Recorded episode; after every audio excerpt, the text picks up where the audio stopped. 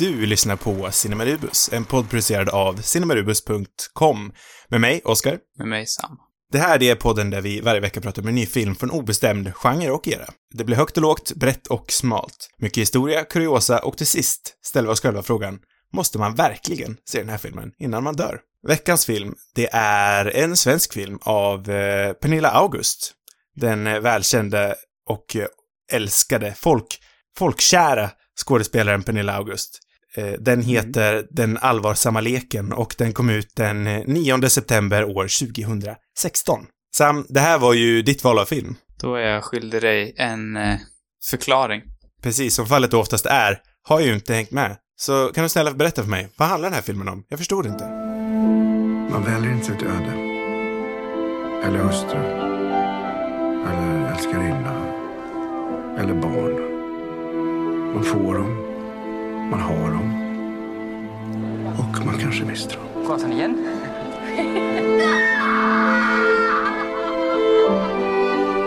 Men man väljer inte.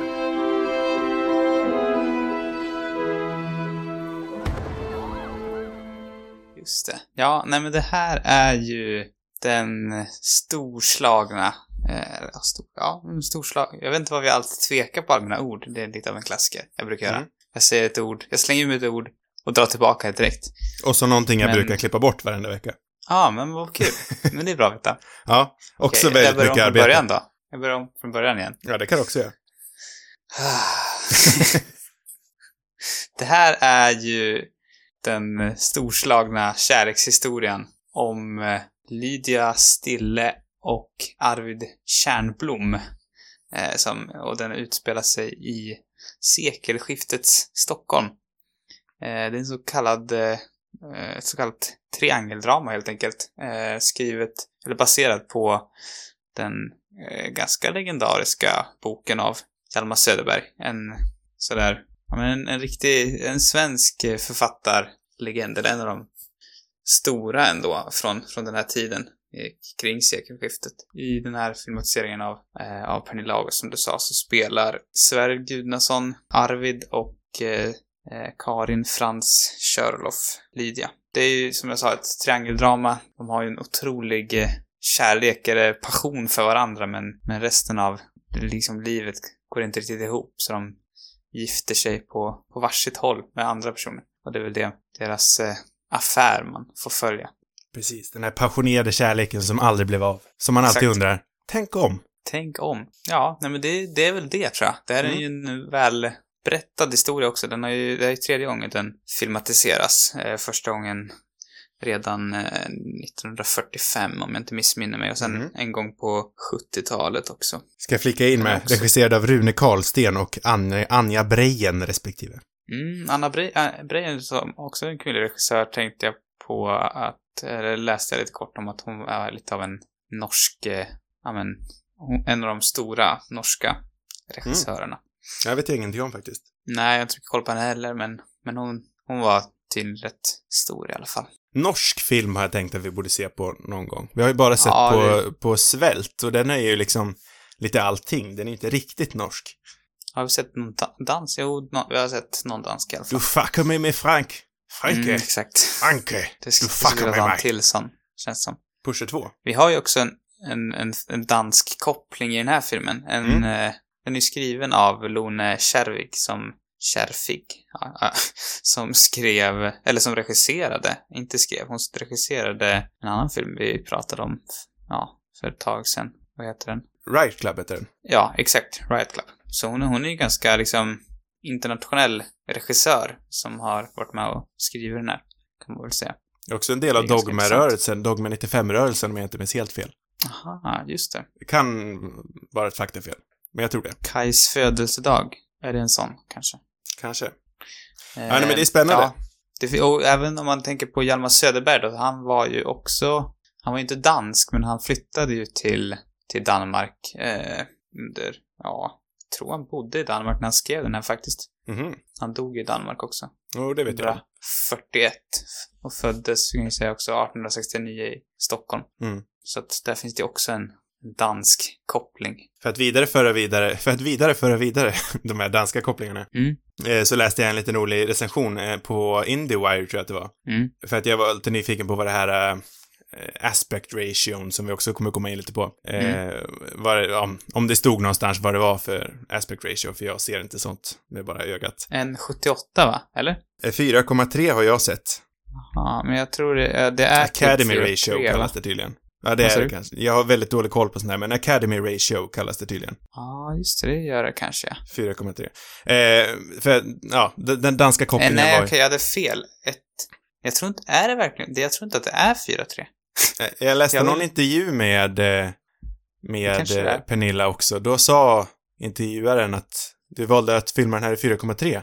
Och hon Ja, sa jo, inte okej. från i Jo. intervjun i alla fall. Så. Nej, jag säger fel. Det är visst 4-3. Men eh, jag sa fel på 1,78 för det är, det är ju 16,9 nästan. Det här Mm.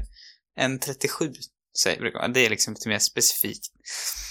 Ja, ja, eh, den här recensionen på IndieWire då i alla fall eh, gjorde ju det stora, stora misstaget att skriva att den här filmen utspelade sig i Copenhagen. Aj. Det är ju ett faktamiss som jag inte riktigt förstår hur den gick igenom. Men det fick också mig att börja tvivla. Fan, har, har, har jag haft helt fel? Som tänkte att den här filmen utspelade sig i Stockholm. Men sen så tog jag mig, eh, andades in, andades ut och insåg att nej men såklart den utspelar sig i Stockholm. Det råder inget tvivel om. Dock en del inspelade i Budapest va? Ja, där är det. Rätt mycket i Budapest Men- tror jag. Nej, det är lite roligt. Just det är kul. Jag såg, vad var det? Det var någon, det var, vad heter den här uh, 70-tals poliskomedin med Owen Wilson och Ben Stiller? Ja, eh. Starskin, Starskin Hutch, är det den du tänker på? Mm.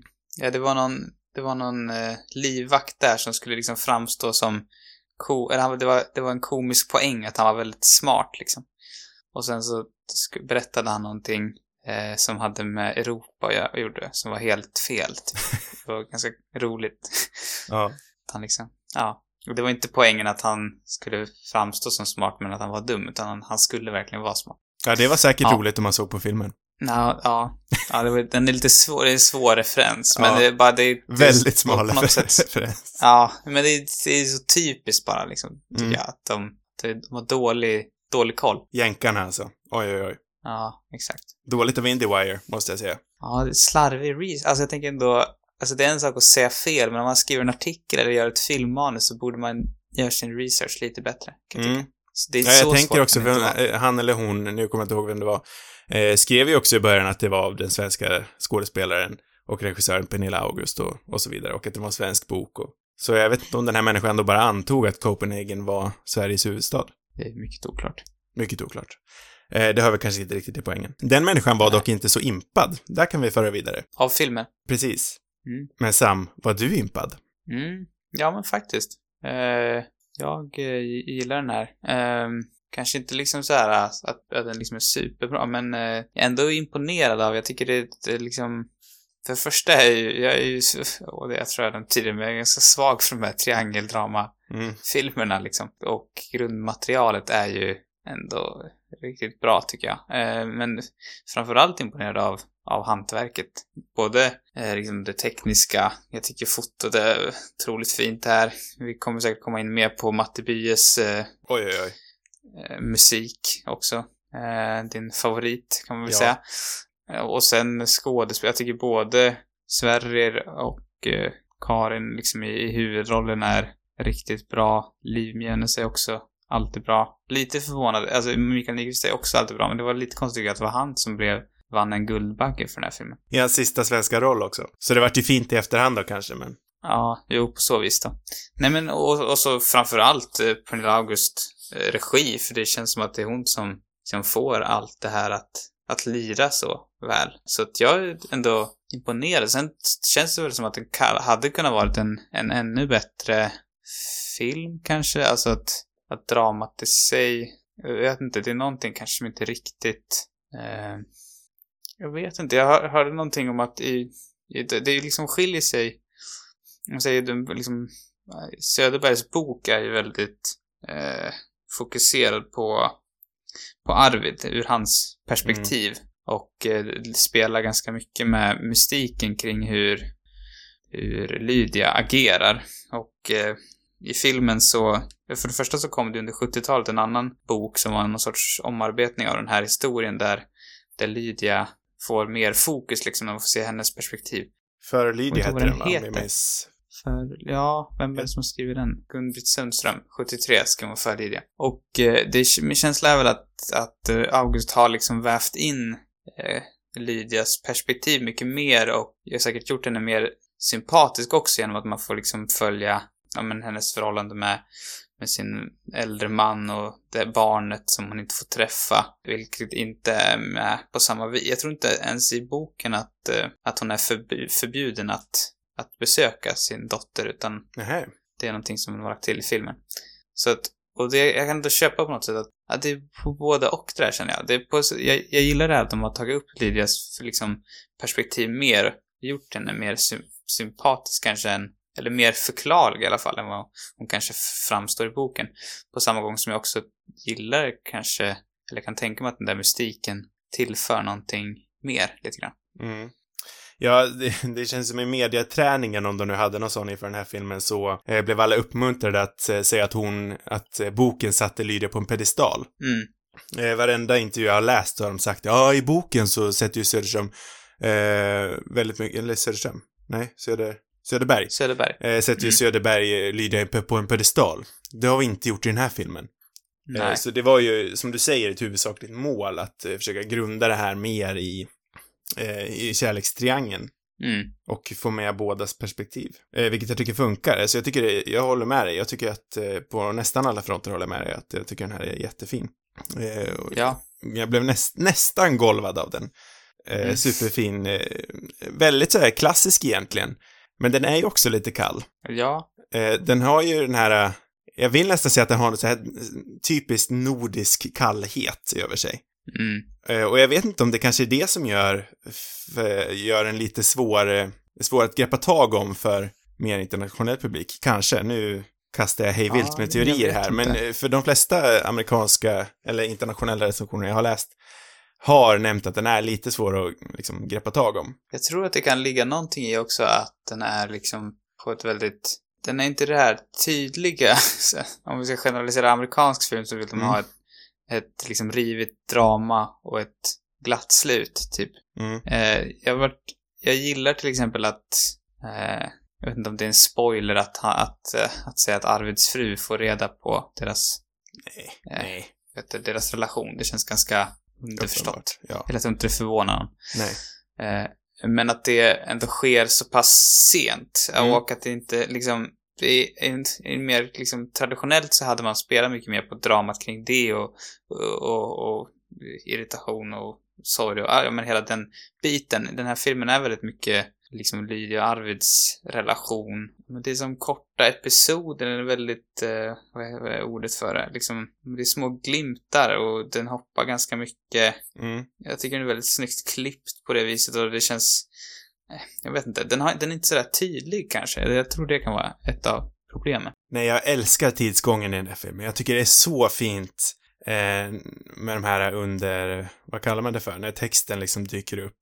Eh, och hösten kom tidigt. Det gick år, punkt, Mm. punkt, punkt. Jag tycker det är jättefint. Det blir liksom en po poesi över det nästan. Det är det jag gill, verkligen gillar med filmen, att den inte är så traditionell. Men det kanske också är det som gör att den inte är, som, att gör, som gör den mindre tillgänglig. Jag vet inte. Det skulle kunna vara en grej.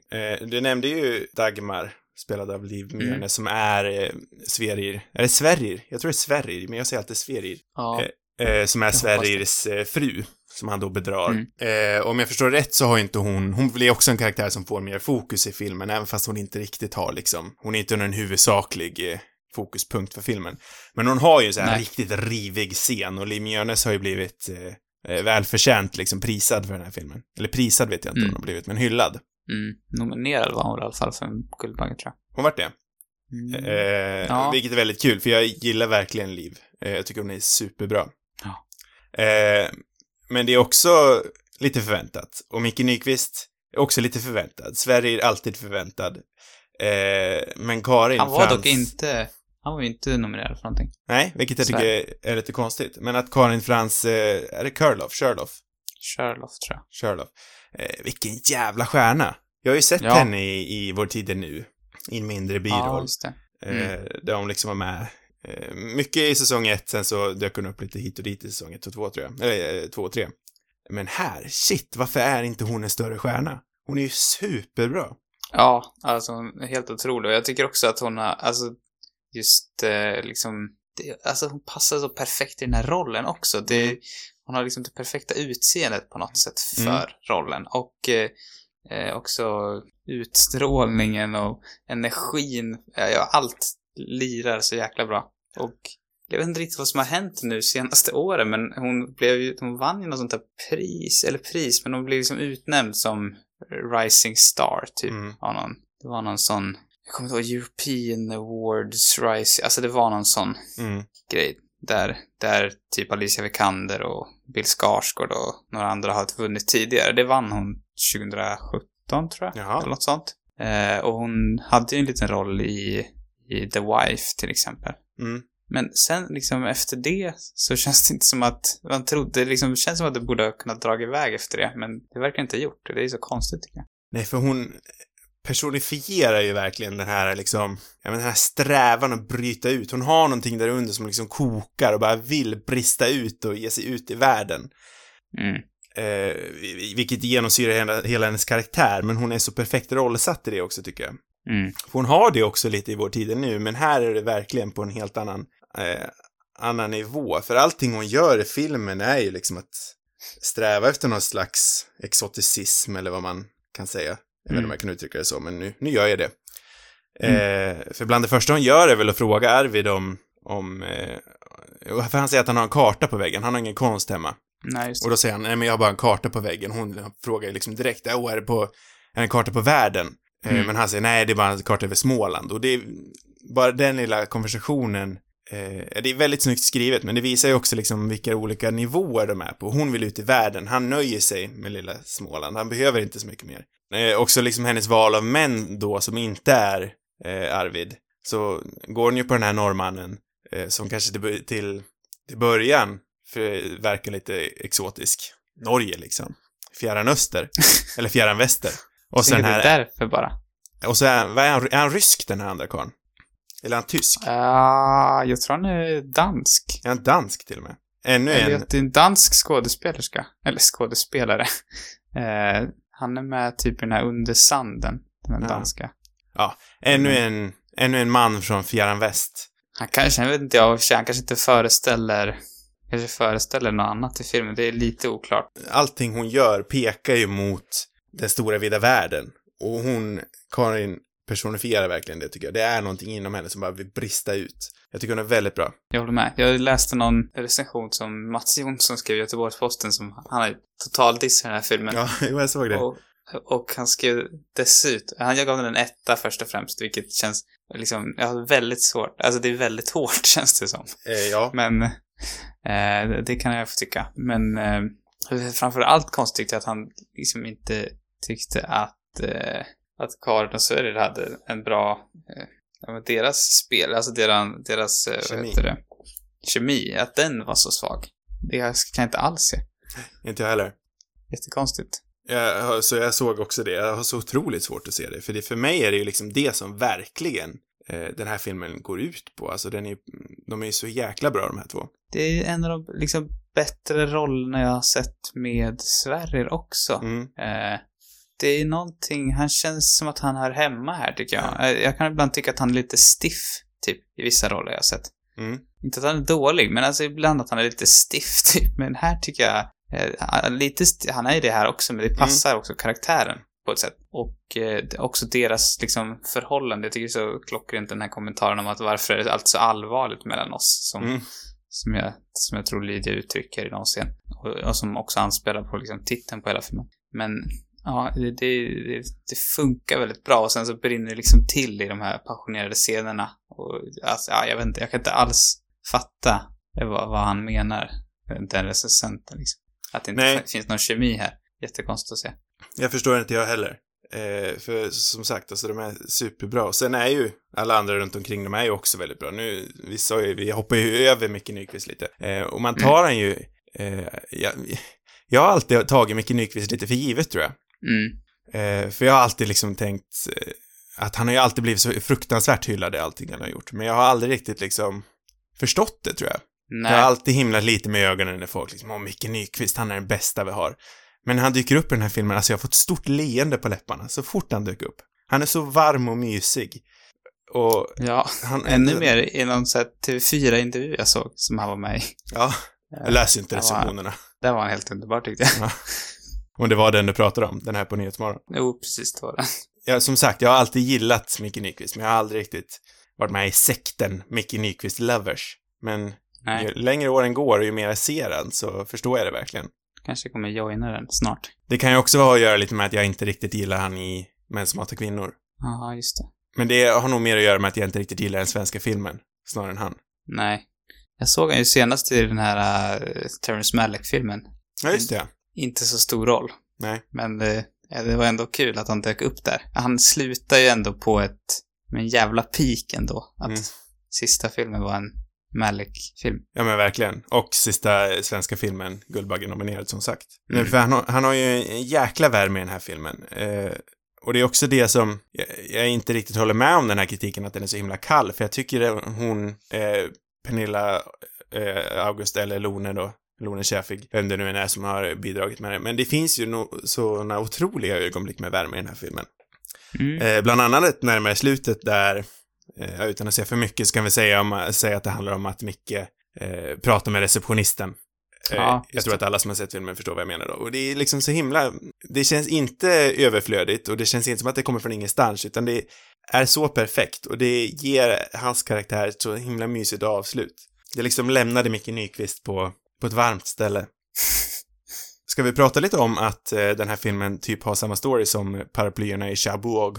Ja, Har du reflekterat över det? Ja, lite. Eh, sen, jag tänkte ju också på, eller ja, jo den här är för sig mer samma story. Men jag, jag tänkte om man ska, nu kommer jag in på min rekommendation nästan här, men i, i just i triangeldrama och tidsepoken så tänkte jag direkt på Days of Heaven också, den här Malick-filmen. Mm.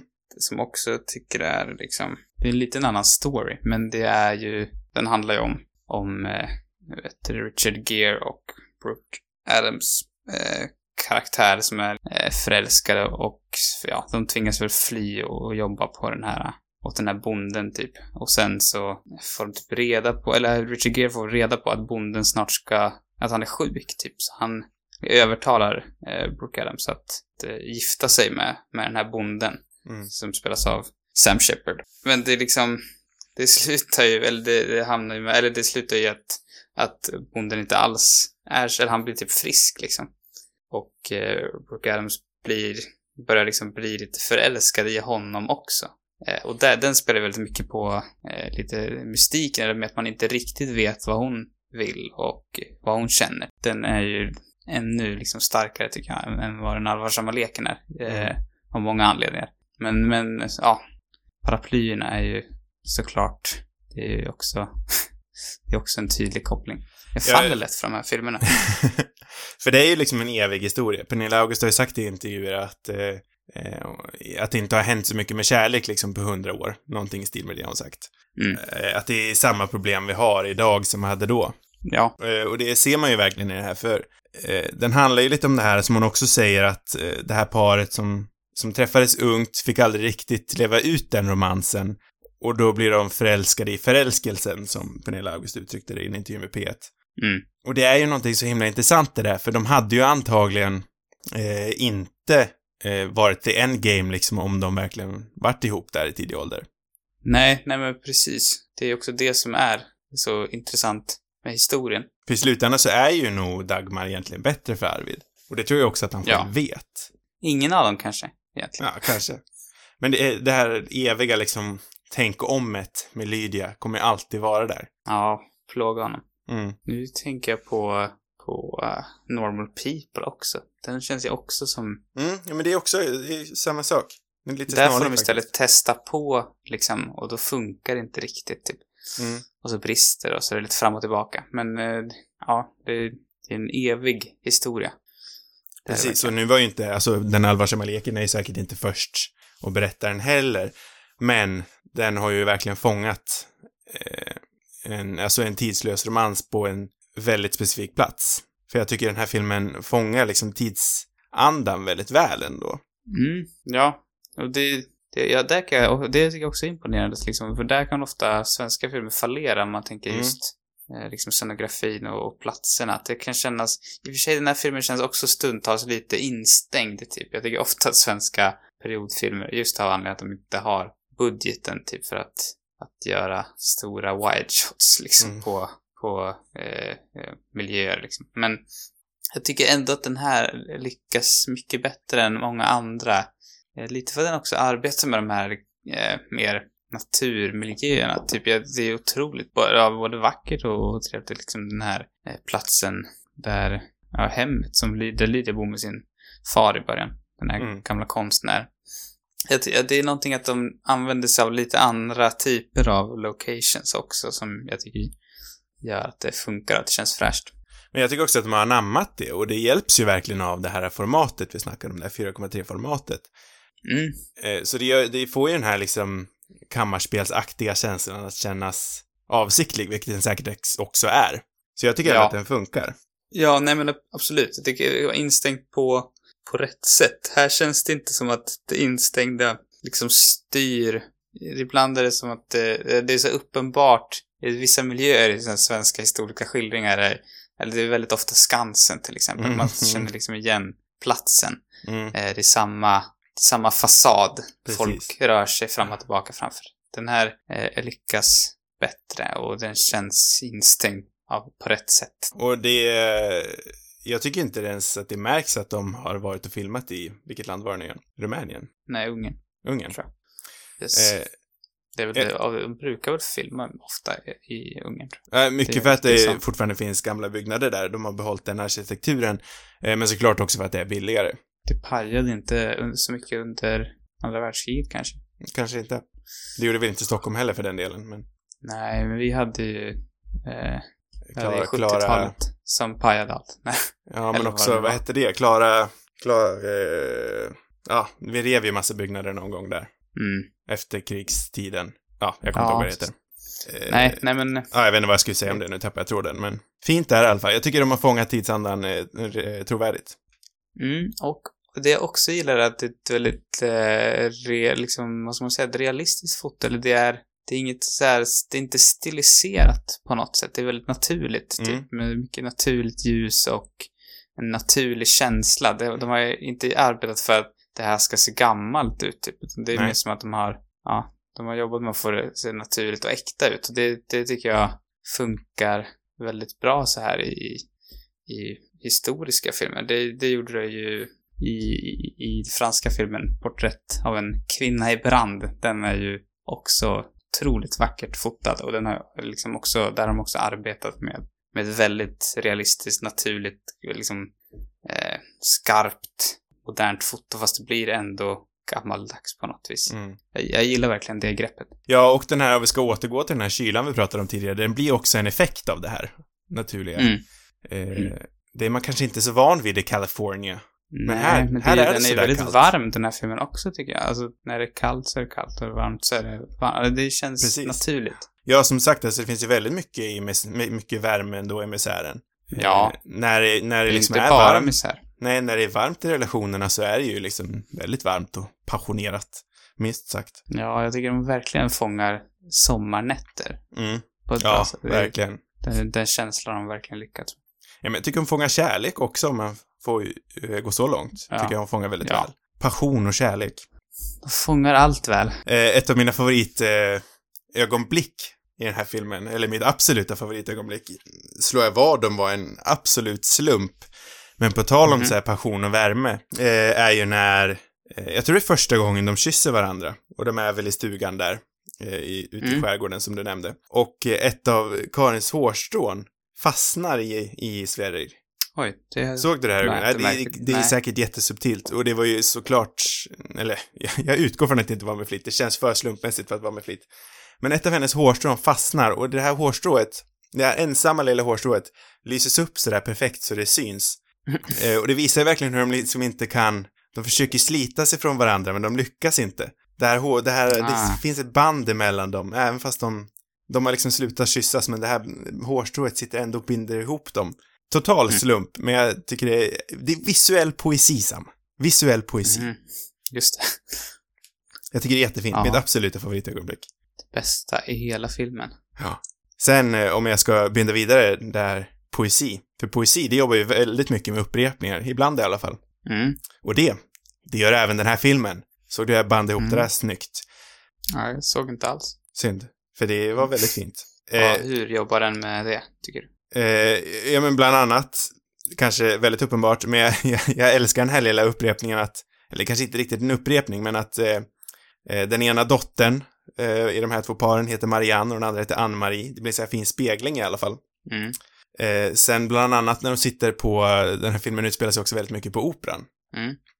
Och hur de genom livet byter roller. Att i början sitter Karin, eller jag borde kanske säga Lydia, uppe på balkongen. I slutet så sitter Arvid uppe på balkongen, så de har bytt plats och kollar ner på varandra. Men de kollar oavsett fortfarande ner på varandra och det är ju det som är det centrala. Det spelar ingen roll att de har bytt eh, platser i, i samhället, men kärleken består. Eller passionen består. Mm. Sen har vi också eh, den här eh, eh, återupprepningen, det blir kanske lite spoiler, men det blir också, eh, för att övergå lite till eh, metaforer och så här bildig, billiga liknelser, Mm. så har hon ju de här två ljusen som de pratar om tidigt. Ja, just det. Eh, och att i slutet så dör ju ljuset ut i de här, eh, flamman dör ut på de här två ljusen och det symboliserar ju såklart att deras romans nu har nått sitt slut. Mm. En annan uppenbar grej, om jag får fortsätta tugga på, Ja, Det är ju när- när den här eh, dansken som vi bestämde att han var, Ja, just det. Han når ju slutet på stationen och då dör han. Ta slutet på stationen. Han sitter ju på tåget, det är det sista vi ser honom. Han sitter på, på spårvagnen. Ja, just det. Han når, den, han når slutstationen. Och det har Ja, det även var hans liv gjort. inte spoiler. Ja, i och för sig, det är det ju faktiskt. Ja, den borde jag Ja, kanske ta ja. bort. Ja, ja. Ja, ja, ja, Det var ja. en fin liknelse i alla fall. Har man väl börjat så kan man inte sluta. Eh, mycket, det är mycket stiligt ju. Kommer det ur, mycket av det där kommer ju säkert ur Söderbergs roman också, gissar jag. Ja, ja, det med slutstationen gör säkert det. Ljusen gör kanske också det i och för sig. Mm. De är ju mer eller mindre uppenbara, det beror på hur svag man är för sånt. Jag tycker upprepningar och, och liknelser och sånt kan vara väldigt fint om det inte blir för, liksom, Men jag, utpekat. jag hade inte reflekterat över det. Jag tycker inte de är uppenbara. Jag tycker de tillför, liksom... Jag, jag, den växte på mig nu efter de där Mm, spaningarna. Ja. Ja, nej, det finns mycket, jag har säkert missat en massa också som jag inte antecknade upp, men det här var de jag såg på en första visning. Jag tycker också att det, det är på något sätt trevligt också att det känns som att, som att Arvid ändå liknar Hjalmar Söderberg själv ganska mycket. Jag kan tänka mig det. sätt. Känns som Ja. att fallet ofta var så, Ja, med de här manliga geniförfattarna. ja, precis. Nej, men han var ju också, han började ju som journalist och verkar ha haft ungefär samma roll som, som Arvid har i filmen. Mm. Han hade dessutom en, en skilsmässa. Eh, han hade tre, han hade tre barn tror jag, med någon, en kvinna och sen så skilde han sig och flyttade till, till Danmark. Eh, fick ett barn med en annan. Och det var, det var typ, fick ett barn med en annan kvinna typ två år innan, innan den allvarsamma leken kom ut tror jag. Så att han, han har säkert upplevt, man kan ju tänka sig att han också hade en affär. Eh, Jag har ingen aning, men det känns inte helt omöjligt. Det tror jag inte. Hans, eh, hans äktenskap verkar dock ha varit lyckligt för att eh, de skildes aldrig än och verkar ha varit, varit tillsammans även när han dog. Men eh, det finns ju liksom, han verkar tydligt ha baserat det på sitt eget, egna liv delvis och eh, ja. Han hade säkert en egen Lydia i sitt liv någonstans. Ja, det kanske var en tredje person ja. Och om inte han hade sin Lydia så, eller han hade säkert en Lydia, men om, eh, även om det kanske var så att den, nu eh, hittar jag helt på här, det här är ju bara påhitt. Men även om eh, eh, han och hans Lydia kanske inte hade någon eh, romans så är det kanske det här, den här boken hans sätt att leva ut den. Ja, just det. Just det. Konjunktur, Ja, eller nej inte han- konjunktur, vad heter det? Han- Conjecture. Jaha, då menas med det att Ja, det bara är är utlevande. liksom hittepå. Ja, okej. Nej, men eh, han, ja, ja, ja, men han, han kanske till och med hade en, kanske hade någon annan kvinna där innan. Och sen så, han kanske lärde sig någonting av det och så träffade han tredje eller någonting. Kanske. Vem vet? Eh, jag. jag. började faktiskt lyssna på den här boken också. Jag är Ehm, väldigt sugen på att läsa den. Den eh, var, den fanns ju, den finns ju uppläst av Christer Henriksson. Åh! Otroligt trevlig. Eh, Ja. Kom en ganska bra bit. Eh, väldigt sådär härligt lätt skriven tycker jag också. Christer Henrikssons uppläsning av Harry Potter är ju, det är min barndom. Ja, just det. Ja, det har inte jag upplevt, men... eh, Hermione är ju- Granger, ni som hajar, ni hajar. Just det. Jag Nej, men han, hajar var inte jävligt vass på, på att läsa upp också. Eller liksom, Mm. han känns som en bra ljudboksinläsare. Eh. Mm. Så att den, den kan jag rekommendera, även om jag inte har, har lyssnat klart än. Men ja, väldigt bra. Jag är ju så otroligt svag för så här sekelskifts... Eh, dels bara liksom skifts- sekelskiftshistorier, men också som du nämnde sekelskiftsromanser. Eh, eh, Mm. Vilket kanske kan föra in mig på... Jag är smockad med bra segways den här veckan. Eh, Mm. Vilket kan föra in mig på min eh, rekommendation. De blir ju mindre bra när du poängterar att det är en bra. Ja, men jag blir så Segway. stolt över dem. Det är bara ett tips. Ja, ja. Nej, Jag skulle låta bli det om jag Om du har Eh. en till, skippa att berömma dig själv. Ja, Eh. nej men gå vidare. min rekommendation den här veckan, den är precis som din en, eh, en eh, romanshistoria Mm. kring sekelskift. Eller var din sekelskift? Det blir den väl? Ja, Days of Heaven utspelar sig, jag vet inte exakt vilket år, men jag är ganska säker på att det är där kring. De kör ju bilar där. Eh, Ja, men, eh, oavsett. det- ja. Min utspelar sig Ja. 1909. Även den här filmen har ju svensk-danska kopplingar. Pernilla, hon är skådespelare, Pernilla August det vill säga. Mhm. Hennes dåvarande make, tror jag, Bille August, han regisserade med manus av den svenska eh, storheten Ingmar Bergman. Det är såklart Den goda viljan jag snackar om. En av mina absoluta favoritfilmer slash serier. Ah, just det. En evigt storslagen romans. Lite mer storslagen än den här. Men eh, stor rekommendation. Pernilla August, Mm. som sagt, som skådespelare med eh, Samuel Fröler som hennes motpol. Bara det, Samuel Mm. Fröler, någon man ser på tok för lite av. Ja, det är svår, svårslaget ändå. Det är guld. Den finns att se på, eh, den ligger alltid uppe på öppet arkiv, så har man inte sett den har man absolut ingen anledning att inte göra det. Nej. Den eh, skildrar ju förresten, kanske jag ska säga också, eh, någon slags, precis som den, vi nu förmodar att den här filmen gör, så skildrar den ju någon slags verklighet då Bergman eh, fiktionaliserade sin, sina föräldrars relation. Ah, okej. Ja, men det känns trevligt att följa upp med med Pernilla August som skådespelare också. Mm. Det, det är väl det enda vi kan sakna med den här filmen. Faktiskt. Men, Jag trodde att de skulle dyka upp. men hon är ju ändå, jag är ju otroligt vass i, i regissörstolen och hon har ju egentligen bara gjort Svinalängorna eh, utöver den här, eh, liksom en långfilm i alla fall. Mm. Vilket också är en, som jag minns det, riktigt bra film. Den har jag faktiskt aldrig Eh, sett. där vi följa...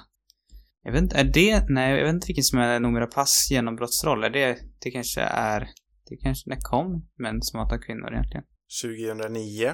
Ja, det hade han gjort. Men det var liksom kring Noomi Rapace-hypen i alla fall. Mm. Man följer hennes... Eh, ja, man, får, man går tillbaka till hennes barndom i, som inte är så trevlig. Eh, nej men det, och kanske var det så att de träffade Ola Rapace på inspelningen? Eller var, var de redan ett par när de gjorde det? De borde väl redan ha varit ett par, va? Ja, det måste de ha varit. Det känns som att de i och för sig har varit skilda länge. Ja. Ja, ja, men det är också, en, som jag minns det, en, en, en riktigt bra film. Så jag, jag hoppas att eh, Pernilla August gör, gör något mer. För att hon är ju hon är väldigt duktig på... Men hon är både så stilsäker, liksom, som den här, liksom, med allt. Att, att rent tekniska, men också eh, ja, men att skådespelarna verkligen får skådespelarna att prestera på topp. Och hon är ju bara så otroligt mysig. Ja, Men nej, det är inte det att hon är, alltså, alltså för det första så har hon ju en, en själv en, en liksom otroligt framgångsrik karriär som skådespelare Mm. och mycket kunskap, men också det känns som att hon skapar en väldigt trevlig stämning eh, på inspelning också. Att det, Mm. hon kan liksom få ut så mycket bra. Hon kör inte det här klassiska manliga geniet-tricket att plåga skådespelarna så Eh, mycket som nej. möjligt, utan Som hon kanske lärde Det sig känns- av Bergman. Ja, exakt. Det, kän- utan det känns mer som att vi kan göra helt fel. Hon kanske är ett jävla svin på inspelning. det vet vi inte. Ja, jag, Men- jag har läst intervjuer, nu kan de ju ljuga då, då såklart. Men där de hyllade henne för hennes värme och liksom hennes eh, acceptans, att de lät, hon lät sina skådespelare pröva saker. Ja, och jag tänker, alltså, det, sku, det borde ju lätt kunna, det måste ju vara rätt nervöst ändå, liksom första dagarna kan jag tänka mig. Så att det är Pernilla August, hon är ändå en, en svensk skådespelarlegend. Mm. Men att det, just så att hon har så mycket värme så, så känns det som att den nervositeten ändå går över ganska snabbt. Ja, när jag avgudar Pernilla August. Jag vill ju ha henne mer, men samtidigt så är det kanske den här äh, frånvaron som gör henne extra mysig. Ja, jag kommer ju fortfarande ihåg så starkt när hon dök upp i Paul Thomas Andersons, vad heter det? Eh, vad heter det? Visst Master. är det hon? Nej, är inte det Lena Endre, Sveriges andra mamma? Nej! Okej, det där får du kliva bort. Det där blir inte bra. Men jag tänkte precis ta upp Lena Endre för att säga att hon tillsammans, Pernilla August tillsammans är med det Lena Endre, Lena Endre alltså? är ju Sveriges mammor. Men jag minns det som bilden av Pernilla August. Alltså det är Pernilla Eller så är jag fel, men jag har för mig att det var Lena Endre. Du har säkert rätt. Pernilla Augusts men- internationella genombrott är ju Star Wars. Jo, men det vet jag. Jag ville ha sma- en smalare referens, men... Mm. Ja, jag klipper det där om du för att vill det är ett starkare minne också, men eh, nej, det behöver du inte göra. Jag, ja, för mig så ser hon ut så. Det var ju länge sedan jag såg en Ja. master. Jag kan väl ta fel på det. Ja. Eh, jag måste ju dock kolla upp det här nu. Ja, jag kanske bara, jag killgissar ju för sig. Jag upplever inte Lena Ende som lika, alls lika mysig. Lena Endre är kanske Sveriges moster, medan Pernilla Ja. August är Sveriges Ja, mamma. det är Lena Endre. Hon är ju tjej, hon är, hon är ju mysig hon också, men jag, Mm. jag tror jag skulle uppleva henne som lite mer eh, läskig. Ja, det tror inte Inte jag. att hon verkar, inte verkar otrevlig, som en, eh, skulle känna, det, ja, August känns så otroligt varm. Gemytlig. Det var väl någon som hade less, alltså, det var väl någon här klassisk grej att om det var, det var någon Skarsgård, var det Stellan Skarsgård, som hade sagt, hade blivit lite irriterad på att August var lite för moderlig så här. Nej. Så att han hade sagt så ska du mamma mig också? Eller det var något så här, åt det hållet typ. Va? När då? Nej, jag vet inte. Hon berättade det i någon intervju. Jag tror det var i Värvet hon var med. Jag Klockrent. lyssnade på. Den intervjun. Ja, lyssnade du på Värvet-intervjun? Nej, det gjorde jag inte. Jag, jag lyssnat på den förut också, för några år sedan, men den är också väldigt bra. Den kom väl i, precis innan den här filmen släpptes, tror jag. Den ska jag lyssna på nu, har jag tänkt. Mm. Mm, Nu när du sa sådär. det får du göra. Eh, det är väl egentligen en sak jag känner att vi inte har pratat om än. Mm. Och det var ju som jag antydde, eller i och för sig, jag har två saker, en är väl lite mindre. Men det kan, vi, det kan bli en antiklimaktisk avslutspunkt. Mm. Eh, men Matti Bye måste vi snacka om. Jag avgudar ju Matti Bye och jag tycker att han är eh, under, jag, kanske inte, det, jag, jag har lätt att kalla saker för underskattade, men han är ju långt ifrån liksom eh, inte väl ansedd. Han är ju hyllad. Men han, han, han pratas, det pratas inte nog om honom. Det är dit jag vill komma. Nej, berätta historien om Matte Bye. Eh, ja, Matti Bye är ju, vill du att jag ska berätta hans personliga historia eller min historia? Ja, både och liksom vad jag Ja, känner. Matti Bie är ju en, också en annan sak som jag älskar. Han är ju en del av en kändis, av en kändisdynasti. Han är ju nämligen Birgitta Anderssons eh, son. Och även Ronja Rövardotters bror. Jaha, ja, det hade jag ingen aning om. Ja, så är det. Det var nyheter. Birgitta Andersson som var Doris Jönssonligan och eh, Teskedsgumman och så vidare. Någon, jag gillar ju, jag tror inte jag gillar dynastier. Jag blir alltid så här, jaha. Jag blir alltid så här besviken. Jag vill att, att folk ska komma från ingenstans, typ. Man har ju lite mer respekt för de människorna, så är det ju. Ja, egentligen vet jag inte varför, men... eh, Ja, men det är ju Men det- lite mer, alltså, Ja, man Det är kan lite inte, man tänker ju att de glider in på ett bananskal. ja, Det gör de väl inte alltid, men... Nej. Men Ja, Matti ja, Bie men har ju bland annat eh, skrivit musiken till 101-åringen, jag tror, eller 100-åringen som klev ut genom ett fönster försvann och 101-åringen som bla bla bla bla bla. Är inte gärna framförallt känd som, han har väl känt som en av, liksom, han jobbade ju på Cinemateket som så här stumfilmspianist. Exakt. En av Sveriges kanske vassaste och han gjorde också, han har också gjort musiken till en av dina favoriter, eh, Körkaren. Eh, Som vi snackade liksom om i podden inte- om Körkaren för några år sedan. Ja, eller liksom, eftersom det inte fanns, man gjorde, spelade ju livemusik på den tiden. Det glada 20-talet, eller vad det är. Så gjorde han en till, ja, man vill, om man kollar på, om man hyr den nu så får man väl höra hans toner helt enkelt. Precis, han nykompade musiken till Körkaren och det är så fruktansvärt bra. Jag tror det är ett av mina mest lyssnade soundtracks någonsin. Mm. Men det är lika med det här soundtracket också. Det är ju otroligt. Alltså det här liksom själva, vad säger man på svenska?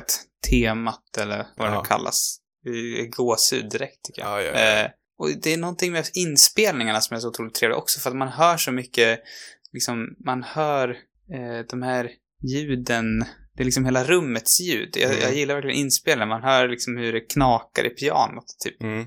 Ja, men och det att det börjar så väldigt känslan. minimalistiskt, men att det sen liksom, alltså lägger han till lite grejer, men det är fortfarande väldigt enkelt, men det, ja, det, det melodierna är väldigt starka. Om vi ska fortsätta klanka på Indiewire så har jag för mig att det också var den recensionen som klagade på att att eh, Byes musik var för repetitiv och det håller jag inte med om alls. Alltså jag skulle kunna lyssna på den här huvudslingan eh, om och om och om igen. Ja, Det första jag gjorde när jag såg filmen var att tog mig en, en kvällspromenad med soundtracket i lurarna. jag tycker vi måste nämna också fotografen Erik Molberg Hansen. Jag vet inte vad han har gjort mer egentligen, men jag, jag är impad av det här fotot. Han verkar, Mm. han verkar också ha jobbat på Svinalängorna. En dansk fotograf. Och sen, en- om vi ska nämna en till på den tekniska sidan, eller vad man ska säga, eller jag vet inte hur tekniskt det är, men, men eh, castingen också av Jeanette Klintberg, som är lite av en legend i, på den biten, den är ju också otroligt bra. Klockren. Kanske framförallt av, av Lydia, tycker jag. Det, det är, ja, det, det känns så rätt med det här sekelskifts, den här sekelskiftshistorien liksom. Ja, nej, jag vill ha mer av Lydia i allt. Eller av Lydia, av Karin i allt. Man känner verkligen så när man har sett den här, så går man in på IMDB och bara, nej, det finns inte så mycket.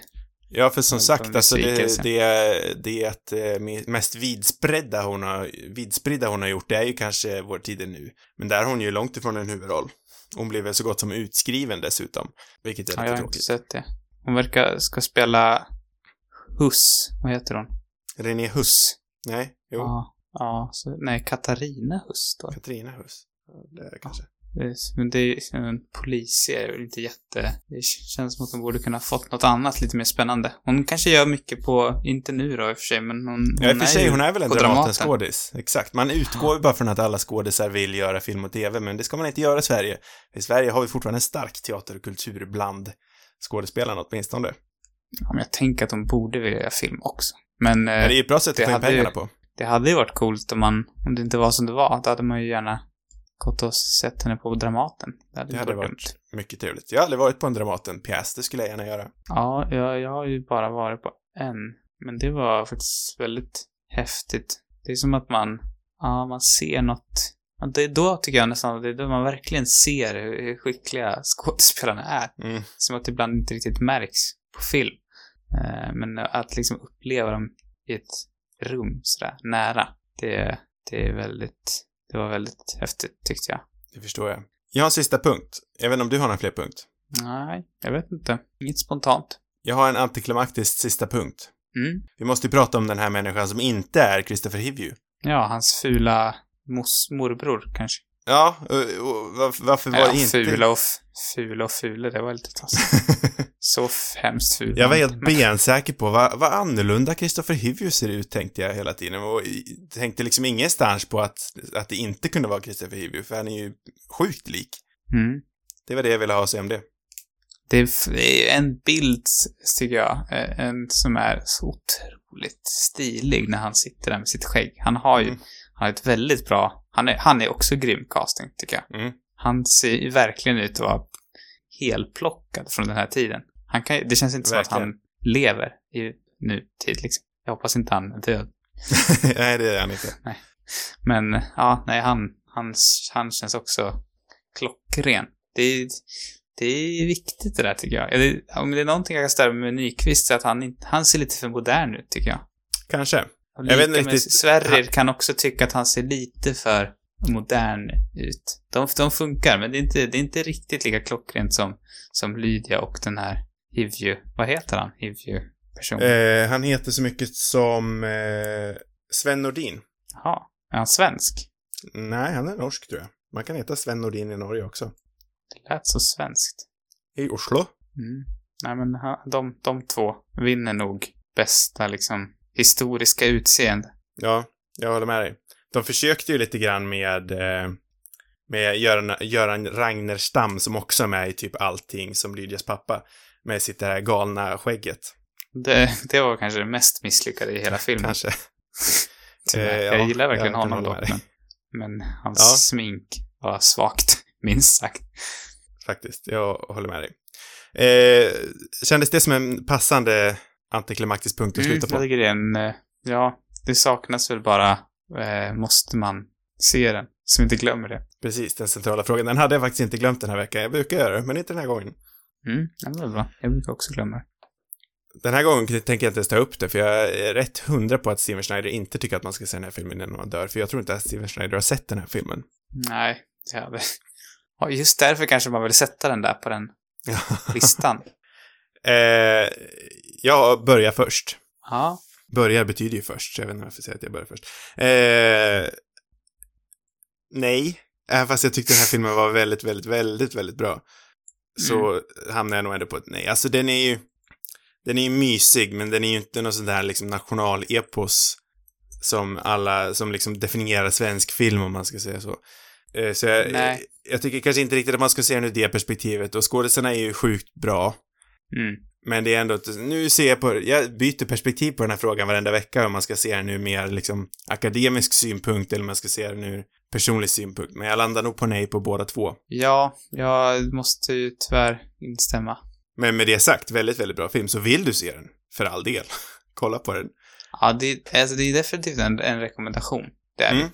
Men inget måste, känner Nej. inte jag heller. Den saknar liksom, det, den saknar den sista edge, tycker jag. Det, det är någonting.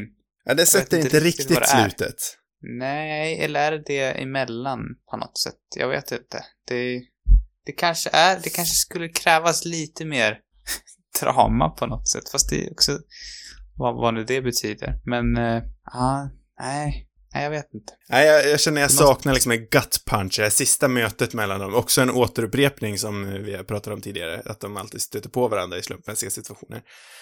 Eh, Mm.